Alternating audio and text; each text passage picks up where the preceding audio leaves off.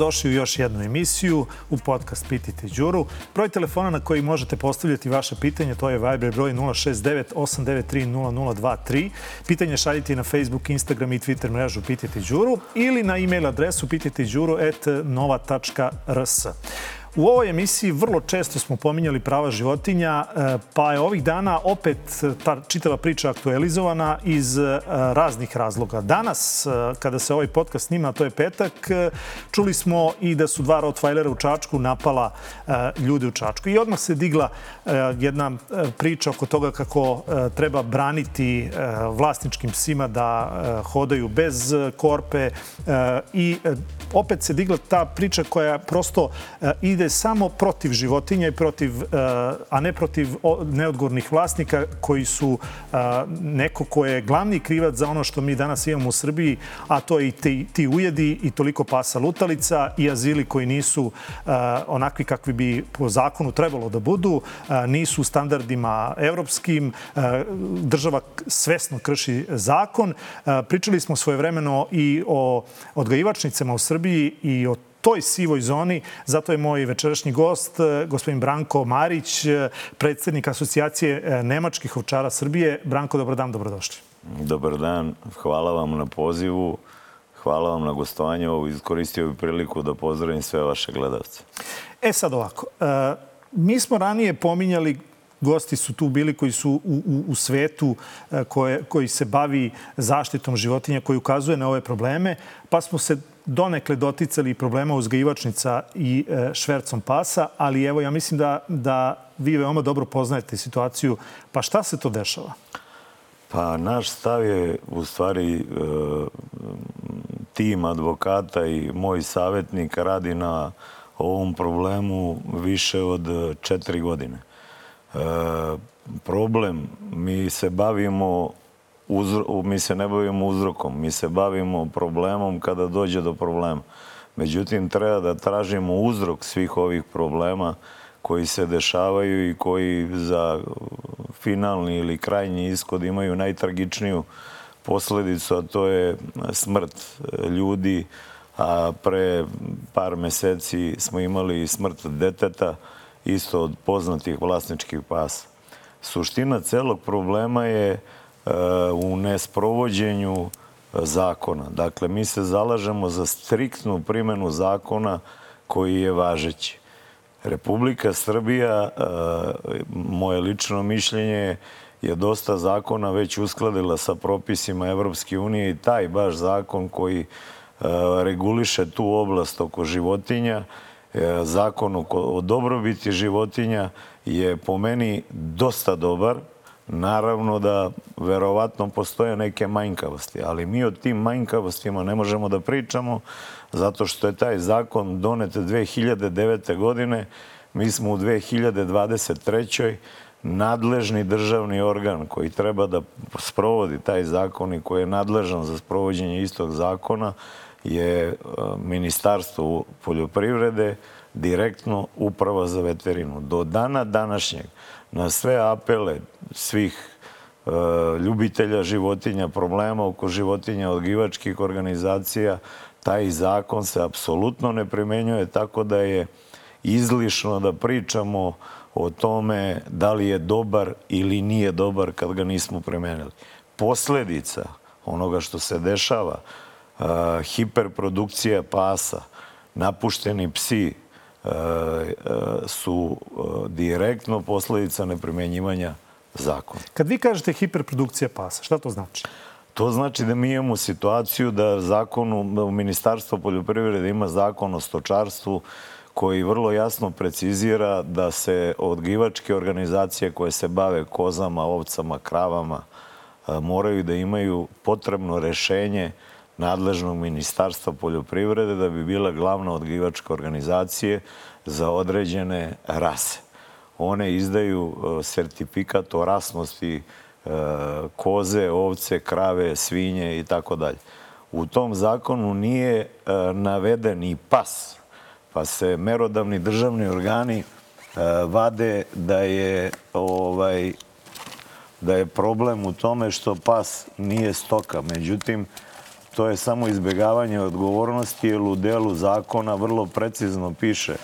Ja bih voleo da ga citiram onako kako piše, pošto sam doneo izvod samo jednu stranu. Znači, piše da se tu radi o ribicama iz akvarijuma i da se radi da se radi o pčelama. Mislite da je to namerno izostavljeno? Ne, ne mislim da je namerno izostavljeno, mada postoji ta mogućnost jer su neke strukture kada se rasformirala naša država, naša državna zajednica, problem znači datira više od 23 godine.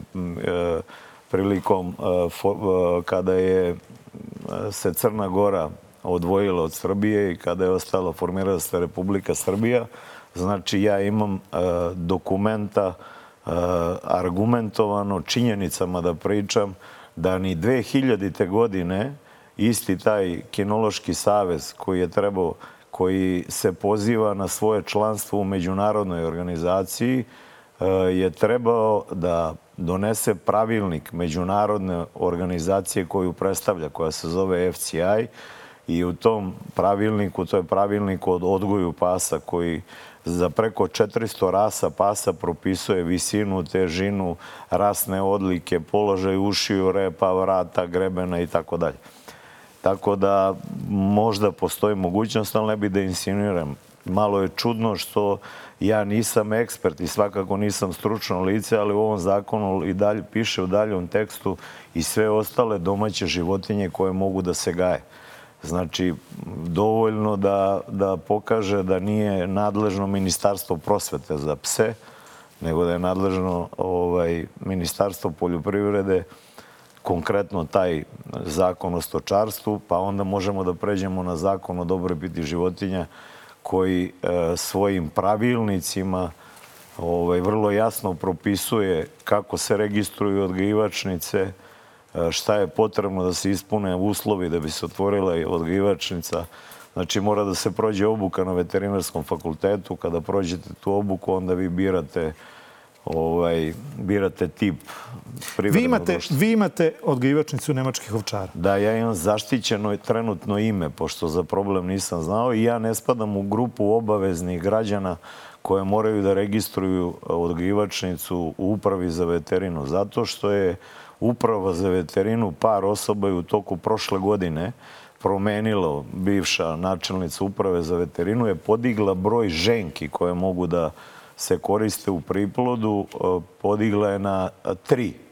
Znači, prethodno pravilnik je bio da svako ko ima preko dve ženke, znači mora da registruje upravi za veterinu odgajivačnicu i da bude prijavljen u registru uprave. A svako ko ima dve ne mora.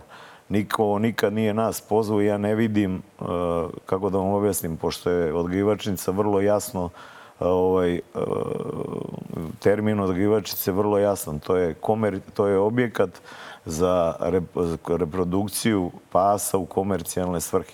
Znači, ako neko ima dve ženke i reprodukuje ih, on ne mora da bude registrovan, ali već ako ima tri, on mora. Sad su oni podigli tu granicu, ne znam kako je to odrađeno, nije mi jasno, pošto nisam video, ali znam da je bivša načelnica uprave za veterinu Emina Milakara, ovaj, podigla taj broj na tri, što ja ne prihvatam ovaj, kao razum. Ajte još da se vratimo na ovu hiperprodukciju pasa. Da. Dakle, e, možete li kroz brojke da pojasnite ljudima šta to znači? Pa to znači da se u Srbiji e, Kinološki savez Republike Srbije svake godine proizvede i to u svim njihovim izjavama možete da vidite proizvede recimo za 2021. godinu je proizveo 61 1974 štenadi, a za 2022. je prijavio 48.000 štenadi.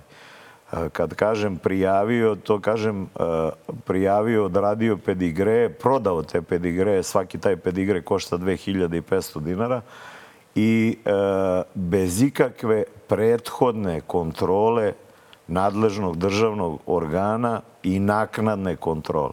Dakle, po logici stvari, svako ko ima štene, prva i osnovna stvar je da kada štene dođu u starosnu dob koja je potrebna za vakcinaciju, pre toga ide čišćenje od parazita, pa ide vakcinacija po novom zakonu, pas ne može da se vakciniše dok ne bude čipovan. Znači, onog momenta kad se čipuje po logici stvari, tog momenta bi tek morao da ode u kinološki savez i da dobije pedigre pod uslovom da taj kinološki savez ima rešenje za rad, ali on nema rešenje za rad i on nije registrovan čak ni u agenciji za privredne registre koja se bavi vođenjem. Hoćete da kažete da Kinološki savjet, e, savez radi mimo zakona?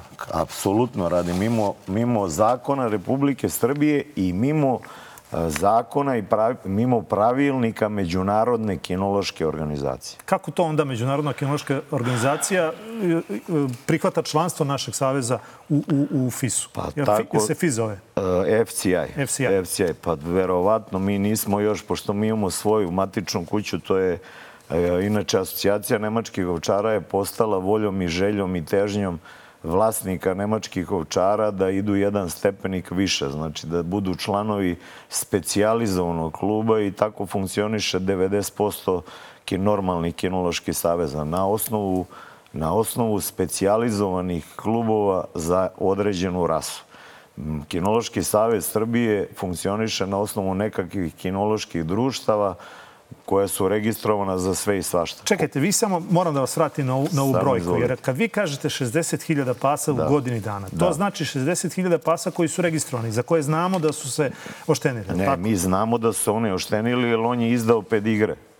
Za A šta je sa onima koji koji nisu prošli tu proceduru? To ne znamo, jer nemamo apsolutno nikakvu kontrolu. Ajde onda da pokušam sad da vas pitam sledeće. Dakle, kad meni ta brojka deluje strašno velika brojka. A mogu da vam kažem recimo da su... Možemo li se vete... porediti recimo s jednim Česima koji su poznati, koliko znam, i Mađarima koji su poznati kao nacija koja e, ne neguje... Može, mi, mi se hvalimo, naš kinološki savez se hvali kako je su oni najuspešniji smo u Evropi po kinološkim tim rezultatima. Znači, mi imamo hiperprodukciju. Teo sam samo da, da naglasim da je on registrovan u APR-u, to je za nadležne organe, on je registrovan u APR-u isključivo za razvoj i unapređenje rada tih istih kinoloških društva u Srbiji i što je nonsens zaštitu životinja. Znači čovek koji prodaje pedigre, znači ne prodaje on pedigre, on prodaje apsu, apsolutno sve. Ovo je cenovnik usluga koji je javan. Tako da jedan pedigre košta 2500 dinara, pa ako hoćete da budete društvo, treba da platite 10.000 dinara, pa ako hoćete da izvadite duplikat rodovnika, to je 2500 dinara, pa ako hoćete da organizujete izložbu, to je 10.000 dinara i tako da Čekajte, vas ne ako to množimo sada sa ovim 60.000 pasa, to su milioni evra. Koliko Jeste, godišnje? Kome to ide? A, direktno Kinološkom savezu, a on plaća porez državi na šarene papire.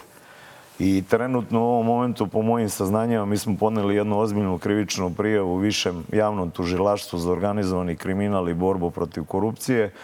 2020. godine ja sam prvi put pozvan pre 10 dana znači to je više od tri godine. Ovaj, pozvan sam da dam izjavu na osnovu te krivične prijave. On samo na jednom računu ima 3,5 miliona eura koje su oročene. Dakle, po zakonu udruženjima građana.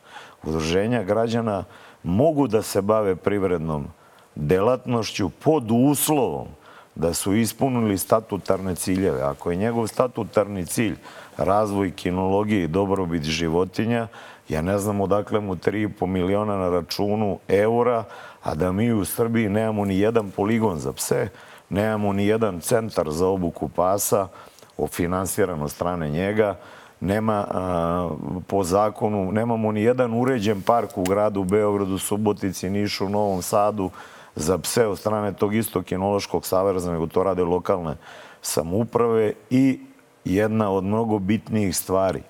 Uh, uprava za veterinu u jednom delu pravilnika je, ne znam na osnovu čega i, i kako, uh, nadležnost dala Kinološkom savezu da se Kinološki savez bavi ispitima i obukom pasa. Znači, to jasno piše ovde i odatle kreće ceo problem što se tiče rasnih pasa i nerasnih pasa i kako god hoćete. Dakle, ovde imate po kinološkom pravilu ispit socijalizacije pasa koji precizno kaže da je dokaz o položenom ispitu socijalizovanog psa neophodan je preduslov za vođenje pasa u urbanim sredinama ili urbanoj okolini. Znači, dovoljno jasno.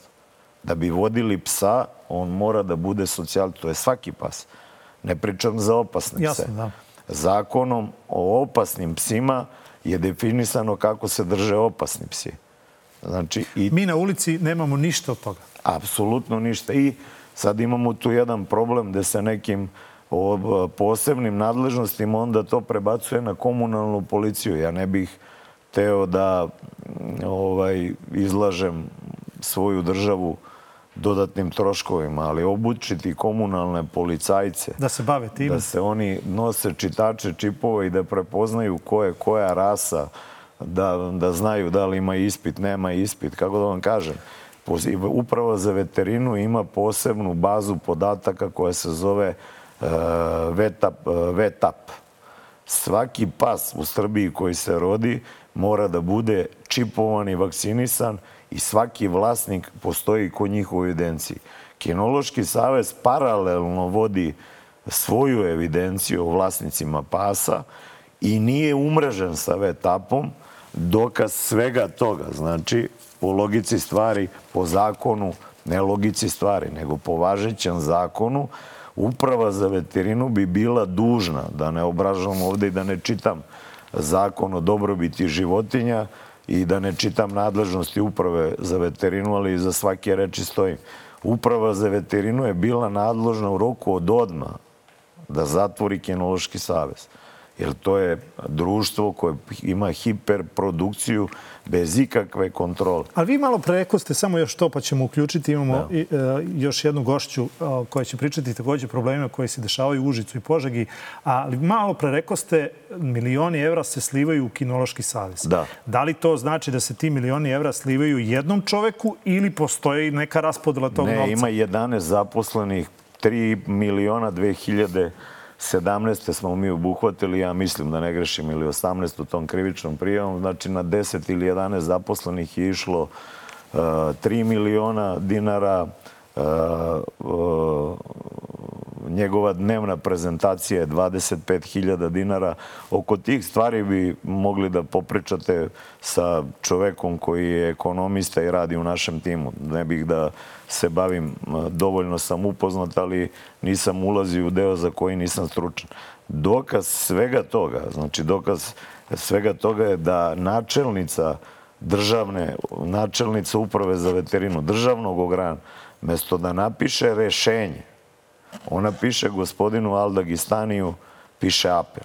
Ja još nisam čuo da neko tako apeluje na njega. postupa. Dokaz, E, sad- apel imam ispred sebe. Evo. E, Uključit ćemo i Ivanu Milošević, aktivistkinju iz Užica, koja e, prati situaciju bar u svom ajde tako nazvaću, Užičkom regionu. E, Požega je pre neki dan došla na naslovne strane. E, Da ne bih ja pričao, Ivana, dobrodošla, e, kaži e, o čemu se radi. Dakle, e, radi se o eutanaziji koja jeste e, dozvoljena, ali u određenim uslovima, ali da ne bih ja pričao, dobrodošla, pa da čujemo dakle, šta se to dešavalo u azilu u Požegi. Dobro večer, Đuro, i pozdrav za tebe i tvog gosta. Pa evo, kao što si najavio, slične teme su povezane. U suštini ovde se radi o kršenju zakona o dobrobiti životinja i krši ih država.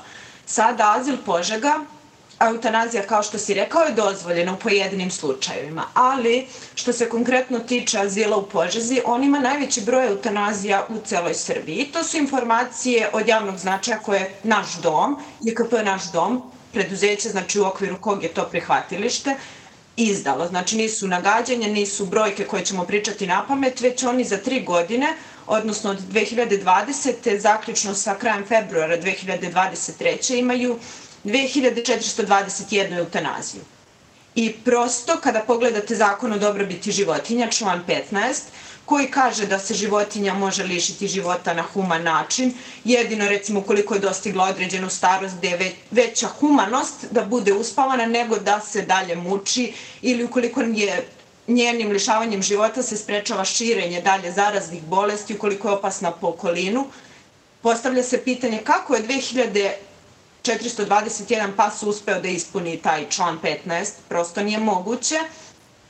Posebno, recimo, kada uzmete veterinu Beograd, prema njihovim podacima, godišnje kroz prihvatilište prođe oko 4000 pasa, radi se nula eutanazija. Znači, nemamo nigde u Srbiji ovoliki broj eutanazija. Ivana, koliko je pasa godišnje prošlo kada pominjete tu cifru od 2400, tako je eutanazija, koliko je pasa ušlo u azil, a od tog broja 2400 eutanazirano? Pa evo konkretno, 2000 421 pas je eutanaziran, 716 je uginulo. Samo su 44 psa udomljena, odnosno izašla su iz azila. I šta nam to govori?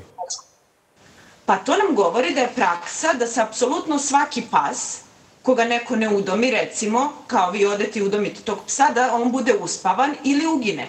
Znači, ali pošto su uslovi veoma loši u prihvatilištu, ima veliki broj uginuća. I ti psi imaju, nažalost, dve opcije, ili će biti eutanazirani ili će uginuti. To da budu udomljeni se redko dešava. I mi dolazimo onda do sledećeg problema, gde oni u svom zvaničnom cenovniku navode da je cena eutanazije 150 dinara. Znači, vama eutanazija za psa od 10 kg košta oko 4000 dinara okvirno. Čime ih oni to eutanaziraju za 150 dinara? Prosto nije realno i postavlja se pitanje kako je 150 dinara i zašto su jedni od redkih u Srbiji koji imaju znači, to, toliki broj eutanazija. Znači, to je kršenje sam, člana 15. Samo, samo, samo e, da, da razjasnimo. Dakle, ako sam dobro razumeo, dakle, za psa od 10 kg, vi ako hoćete da eutanazirate svog psa i od, odvedete ga u veterinarsku ambulantu kod nekoga, platit ćete u privatnoj praksi, je tako, tu cifru. A oni yes. te pse ubijaju za 150 dinara, je li tako? 150 dinara njihov zvanični cenovnik. Šta onda, koji je zaključak? E, zašto to rade? Je li to zbog novca? Je li to zato što nisu humani? Je li to zato što krše zakon? Dakle, o čemu se ovde radi? Ako, ako pa kažete da veterina Beograd e, eutanazija nula. Nula. To su zvanični podaci, znači informacije od javnog značaja. Pa tu se radi, prosto oni nemaju, to je malo prihvatilište, oni nemaju uslove da zbrinu sve te pse, jer oni rade na teritoriji Požege, Užica, Arilja, Čajetine i Kosjerića. I prosto to je veliki broj pasa i vi ne možete, nemate gde da ih smestite. Ali oni uzimaju od opština novac da bi prikupljali te pse, jer su u obavezi po ugovoru, i, ali nemaju gde da ih smesti. Onda dolazimo do toga da se problem rešava tako što svaki pas bude eutanaziran. Ako sam dobro e, pročitao, ovom azilu je zabranjen rad. Je li to trajno nešto ili je to privremeno? Prošle nedelje ne rad, nego prijem novih pasa na 30 dana. Znači oni rade i dalje, pa šta rade onda, ako su sve pobili? Uh, Pa oni trenutno imaju određeni broj pasa tamo, zato što ovaj, koji su u kavezima i ljudi dolaze na posao i te obavljaju svakodnevne aktivnosti, te pse mora neko da hrani, ali oni konkretno sada ne smeju da skupljaju nove pse narednih 30 dana i suspendovana je direktorka azila. E sada, šta se nakon tih 30 dana dešava? Ostaje pitanje, jer vam se onda povećava broj pasa na ulicama i oni će posle tih 30 dana krenuti jel te da rade i nastavljamo sve po starom. A, ima li rešenja za ovo, za kraj? Pa ima rešenja, znači sterilizacija prihvatilišta da se dovedu u red, da funkcionišu, prva stavka. Druga stavka, ne može jedno prihvatilište da radi sa 5-6 opština. Znači svaka opština je po zakonu inače dužna da ima svoje prihvatilište. Svaka opština kada ima svoje prihvatilište protečnog tipa, znači može da kontroliše broj pasa i uporedo da radite sterilizaciju kako bi smanjili populaciju pasa. Jer sad vi da uzimate sve pse da ih pobijete, vama samo raste broj pasa na ulici jer vi ne lečite uzrok odakle ti psi tu, zašto nisu sterilisani i ostalo. Jer e sad, ovom praksom možemo u nedogled ubijati psa. E, pretpostavljam da ste danas videli da e, ovo što se desilo u Čačku e, sa Rottweilerima, yes. I opet će sad e, biti povike na vas zaštitare e, kako na neki način, e, eto vidite, ujedaju psi, ali niko ne kaže da su to vlasnički psi. I kada je objavljena vest da će se plaćati ekstra porez na, na, na pse i tu je stavljena fotografija jednog opasnog krvoločnog psa. Niko ne govori o tome da se ne radi, dakle da, da ovde stvari ne idu E, da nije to koren problema, već da je koren problema upravo u neodgovornom vlasništvu i da je većinom, kada imamo ujede pasa, da su to vlasnički psi. Pa da, to je što uh, ste vi rekli, znači stavlja se akcena da su zaštitari krivi. Ali odakle taj pitbull na ulici? Ko je on je pao s neba, znači to je vlasnički pas i to je neodgovorno vlasništvo. On možda čak i nema čip, vi ne možete utvrditi čiji je i neko je njega pustio na ulicu i napravio problem. Znači nije to pas mešanac ili ne znam, znači taj pas je kupljen, taj pas je bio nečiji, on je sad na ulici i direktno predstavlja problem i mora se znači stati na put i neodgovornom vlasništvu. Znači svaki pas mora biti čipovan. Vi kad vidite psa na ulici, proverite mu čip, mora ići kazna vlasniku. Naša komunalna policija recimo nema čita čipa i kako vi da znate čiji je to pas? A verujte, kad bi krenula politika kažnjavanja neodgovornih vlasnika, smanjio bi se problem, jer odgovorni vlasnici će uvek biti odgovorni, da li vi njima uveli porez ili ne, a neodgovorni će samo nastaviti da krše sve moguće zakone i da budu neodgovorni. Ivana, hvala puno na, na uključenju i na doprinosu ovoj temi. Ivana Milošević iz Užica nam se javila, aktivistkinja za zaštitu životinja. Evo, Branko, kad čujemo Ivanu, šta, šta biste vi dodali ovome? Dakle, oko ove priče i oko samih ujeda, dakle, vi imate odgajivačnicu koja se bavi nemačkim ovčarima. To se takođe mogu nazad... Udruženje koje se bavi Tako specializovani je. klub za poboljšanje odgoja rase pasa nemačkog. Kada neko vidi na ulici nemačkog ovčara koji nema korpu, ako nije na neki način naučio da, da, da bude prisan sa psima, Dakle, e, kako pomiriti ove dve strane? Jer uvek imamo i jednu i drugu stranu koja je donekle u pravu. Apsolutno, apsolutno. Ali ja bih iskreno voleo da pomirim da da zaštitari shvate da je problem azila e, isto problem institucija, jer oni moraju kao udruženja i mi kao strukovna udruženja moramo da oformimo institucije i, i strukovnu organizaciju koja će da se bavi resocijalizacijom napuštenih pasa i pasa koji su azilu. Da sterilizacija takvih pasa, da udomljavanje takvih pasa i nikakav porez. Ja bi čak stimulisao ljude koji uzimaju i udomljavaju pse koji su prošli program resocijalizacije kompletnog zdravstvenog pregleda Jer vi u azil dovedete u jednom danu ne znam koliko pasa. Jedan je agresivan, jedan je miran, jedan je bolestan. A šta kažete na taj porez? Dakle, šta nam država šalje kao, kao signal? Nije šta država, hoće nije država. Apso, Kinološki savez? Kinološki savez hoće da skrene pažnju sa sebe. Dakle, to je, ja sam vam rekao, ako on ima na jednom računu 3,5 miliona i ako plaća ovaj, ako, plać, ako mi, to je javni cenovnik koji mogu da, znači ovo što je objavljeno javno. Ja želim da kažem da uh, odgajivači i vlasnici rasnih pasa su pretplatili porez. Ta 3,5 miliona nije od napušteni pas, nego je od vlasnički pas. Dakle, to je javni cenovnik. Onda imate drugi cenovnik. Ko ima gran šampiona, on mora da plati još 7000 dinara da bi mu Kinološki savez izdao papir da je gran šampion. Pa onda ko ima šampiona Srbije u radu, to znači da taj mora da radi na daljinski, taj mora sve da zna, on opet mora da plati 7000 dinara. Pa onda ako imate šampiona mladih, opet treba da plati 7 dinara. Pa ako imate Pa šta je rešenje? Kad to sve nabrajete, šta je rešenje? Apsolutno je rešenje striktna primjena zakona. Dakle, oni koji se lažno predstavljaju više od 40 godina, ali ja se vezujem za period od 20 godina, da su državna institucija, Kinološki savez je obično udruženje građana koje radi mimo propisa i zakona Republike Srbije. Mi tražimo od nadležnog državnog ograna Ministarstva poljoprivrede i uprave veterine striktnu primenu zakona. Dakle, ako su oni njima dali da oni sprovode te ispite socijalizacije, daj, može nemački ovčar u urbanoj sredini da ide i bez korpe i bez povodnika pod uslovom da ima taj položen ispit socijalizacije te ispite socijalizacije, oni se prodaju, ne radi obuku nikom. To je samo pro forme. Apsolutno. Mogu da vam dam cenu koliko košta, mogu da vam donesem dokaze. Evo kako izgleda taj obrazac ispita socijalizacije i kad pas prođe taj ispit socijalizacije, onda ne možemo da ne može da se desi situacija da dva vlasnička psa poznata Rottweilera, dakle, ja bih voleo da zaštitare E, vlasničke rasne pse i napuštene pse pomire. Jer mi nemamo statistiku koliko je puta ujeo napušteni pas, a koliko puta je ujeo vlasnički pas. Znači, mi se bavimo od slučaja do slučaja. Niko ne radi na tome statistički.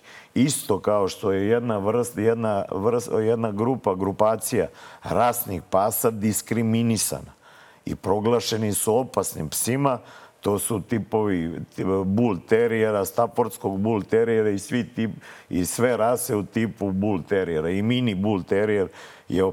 Ja to ne prihvatam, jer svaki pas je potencijalno opasnost. Da li je mali, veliki, e, da li je nemački ovčar, doberman, pudlica, svaki je potencijalno opasan. Kad to pominjete, da li u zakonu piše, nisam vas dobro malo prerazumeo, ali da. evo ispravite me, da li u zakonu piše da bi onda svaki pas morao da ima taj test soci, u urbanoj sredini. U urbanoj sredini. Tako je. Znači ja ako imam jorkširskog terijera, Mora morao da... bi da imam sa sobom ili kako... Ima jorkširski terijer zube. Ima. Ima. E, vi date grickalicu specijalcu, pa ćete da vidite šta će da uradi s Ja sa grickalicom mogu da isečem nokte.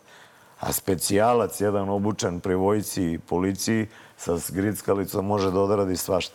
Ispit taj, da bi vama i gledalcima pojasnio, taj ispit socijalizacije on zahteva. Znači, on zahteva obuku i vodiča i psa. Pa pas treba da prođe vežbe, vođenje na povodniku, vođenje bez povodnika, sedanje u hodu, leganje u hodu, opoziv, odlaganje sa ometanjem, susret sa grupom ljudi, susret sa biciklom, susret sa automobilom, susret sa džogerima ili osobama sa rolerima, susret sa drugim psima, ponašanje psa na povodniku prema drugim psima tokom kraćeg odlaganja na javnim mestima. Dakle, kad se tako obuči pas... Nema problema mi ćemo e, striktnom primenom zakona dovesti na minimum problema. Da, daleko od toga da ćemo mi dovesti da to bude nula, ali se neće dešavati ko što se dešava svaki dan. I sad posvećujemo tome pažnju. Ajde još malo da vas vratim na ovu priču oko, oko šverca pasa. Da. E, imate li tu brojke? Ne, nemamo brojke. Recimo, Kinološki savez ima podatak, sad mogu to da karikiram. Imaju li evropljani brojke? Ne daju informaciju, nemaju ni evropljani brojke, nema niko brojke, tu je glavni problem. Znači, vi ne znate kako njega da oporezujete, jer on štampa papir i prijavljuje koliko je oštampa. Znači, on može da oštampa 50.000, 100.000 i njemu se veruje na reč. Znači, nema, nema nikakvu kontrolu. Niko ne kontroliše koliko je to stvarno pedigraja. Tih sertifikata pedigreja, svih ovih dokumenta. Ali kad bi reci pravili neku uporednu kontrolu, recimo taj Kinološki savez ima, navodim primer, ima eksportni rodovnik, to je dokaz da je pas otišao iz Srbije koji posjeduje podatke da ide van teritorije Srbije. Takav pas po važećim zakonima mora da ima favan test. Mora da ima test Pasterovog zavoda, potvrdu ovaj, da je vakcinisan protiv besnila i potvrdu da je vakcinisan. Taj test košta u Pasterovom zavodu 60 eura. Dakle, ako je gospodin Mahmud Al-Dagestani i Kinološki savez prijavili da imaju 10.000 eksportnih rodovnika, vi pomnožite sa 60 eura pa dođete do 600.000 eura koje bi trebale da budu neki prihod tog pasterovog zavoda. Pasterov zavod neće da dostavi tu informaciju, znači ne žele da dostavi, ja sam lično pisao. I sad da ja ne bi glumio uh, inspektora znači, za privredni ako, kriminal. Ako, ako vas dobro A, razumem, to znači da i taj novac odlazi u Kinološki savjet. Ne, taj novac odlaži po, po Pasterovom zavodu, ali Kinološki savez je izvor pasa koji nisu evidentirani. I izvor je gneva zaštitara. Dakle, ja bih voleo da apelujem da savesni odgajivači koji se bave savesno odgojem i poštuju pravila odgoja, izdvajaju ogromnu ljubav, vreme, pažnju, obuku da bi se tim psima bavili. Nisu svi savesni, kao što ni svi zaštitari nisu savesni.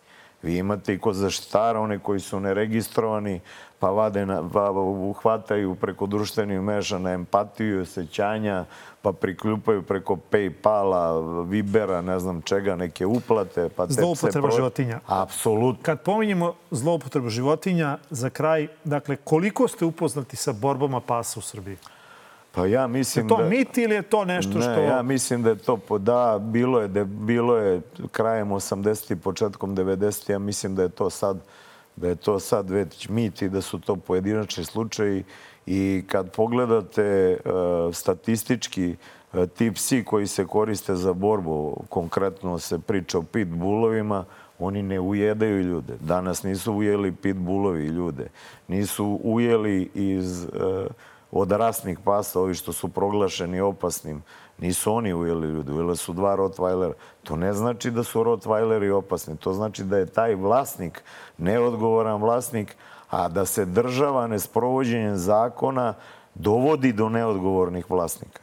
Znači, mi moramo da imamo instituciju koja će da procemi, rekao sam na početku da postoji predavanje na veterinarskom fakultetu da bi se registrovalo odgajivačica. Dakle, mora da postoji procena da li neko može da bude odgajivač, da li može da se bavi određenom rasom, pa onda taj odgajivač mora da bude savestan, pa kako njega neko dođe da uzme štene, mora da ga uputi u rasne karakteristike, narav, e, ishranu, održavanje tog psa, obuku. Znači, to je ceo jedan sistem. Evo, i za kraj. E, dakle, kada bi se po zakonu, pretpostavljam da ste vi jedan od ljudi koji poštuje zakon da. i koji, e, kojim je ovo biznis, je li tako? Ne, nama ovo nije biznis. Nego? Mi radimo kao naša asocijacija radi volonterski zato što monopol nad kinologijom u Srbiji i sve ove prihode koje sam vam rekao ubira Kinološki savez. Asocijacija nemačkih ovčara se bavi organizovanjem specijalizovane izložbi za nemačke ovčare gde isključivo sude ispit, e, proveru naravi i karaktera psa koja se zove Kjerum kao i vezen test koji se radi od 9 do 2, to je provera nagona psa. Provera poslušnosti se radi posle 20 meseci koja je Kerung. Uh, sude nam isključivo sudije iz Nemačke i sve to plaćamo u Nemačkoj. Klub Asocijacija Nemačke ovčara ima prihod isključivo od članarine koja je 2500 dinara i imamo 130 članova i imamo taksu 3500 dinara na posnimljenom psu gde snimke šaljemo na očitavanje isključivo u Nemačku. Znači... Dobro, ali kada bi sve funkcionisalo po zakonu, dakle, da. koliko odgajivačnica je unosan posao? Dakle, jer ako ja vas dobro razumem, to je kad kažete hiperprodukcija pasa, to da. znači da je to unosan posao. Pa. Da to rade na crno i da to zato postoji toliko, toliko pa, pasa. Ovi koji rade na crno za njih je i koji, koji krše zakon o dobrobiti životinja, za njih i jeste biznis. Jer vi imate štene nemačkog učara 50 eur. Odgajivači, članovi asocijacije nemačkih učara pare, plaćaju parenje u Nemačkoj 1200 eur. I put i košta minimum 700 Znači to štene ovde bi trebalo Ženk, da košta koliko? Minimum 750 do 800 eur. Mi ne, neće porez rešiti problem ujeda pasa. Neće on uplašiti ni vlasnike, ni, ni će uplašiti pse. Striktna primena zakona doćemo onda do tržišta da će biti legalni privredni subjekti. Ja nisam merodavan da pričam, svi, kilogram svinje je 120 dinara. Ja ne znam stvarno kako bi oporezovao tu. Uh, imam jedan rad, znači ovde koji je rad ljudi sa pravnog fakulteta, 10 godina primet dobrobiti, uh, zakon o dobrobiti životinja. Trebali bi da napravimo, uh, kako da vam objasnim, neki okrugli sto i da stručan lica o tome pričaju. Dakle, po logici stvari da je e, Kinološki savez ima rešenje, kao, kao tehnički pregled što dobije rešenje od Ministarstva unutrašnjih poslova da radi tehnički pregled, tako i ovi treba, to je znači prenos nadležnosti da se bave tim. Ja sam siguran da iz ovog cenovnika koji sam vam pokazao, da bi sasvim dovoljno bilo da se od jednog dela novca odvaja za sve prijavljene pse kao vrsta poreza.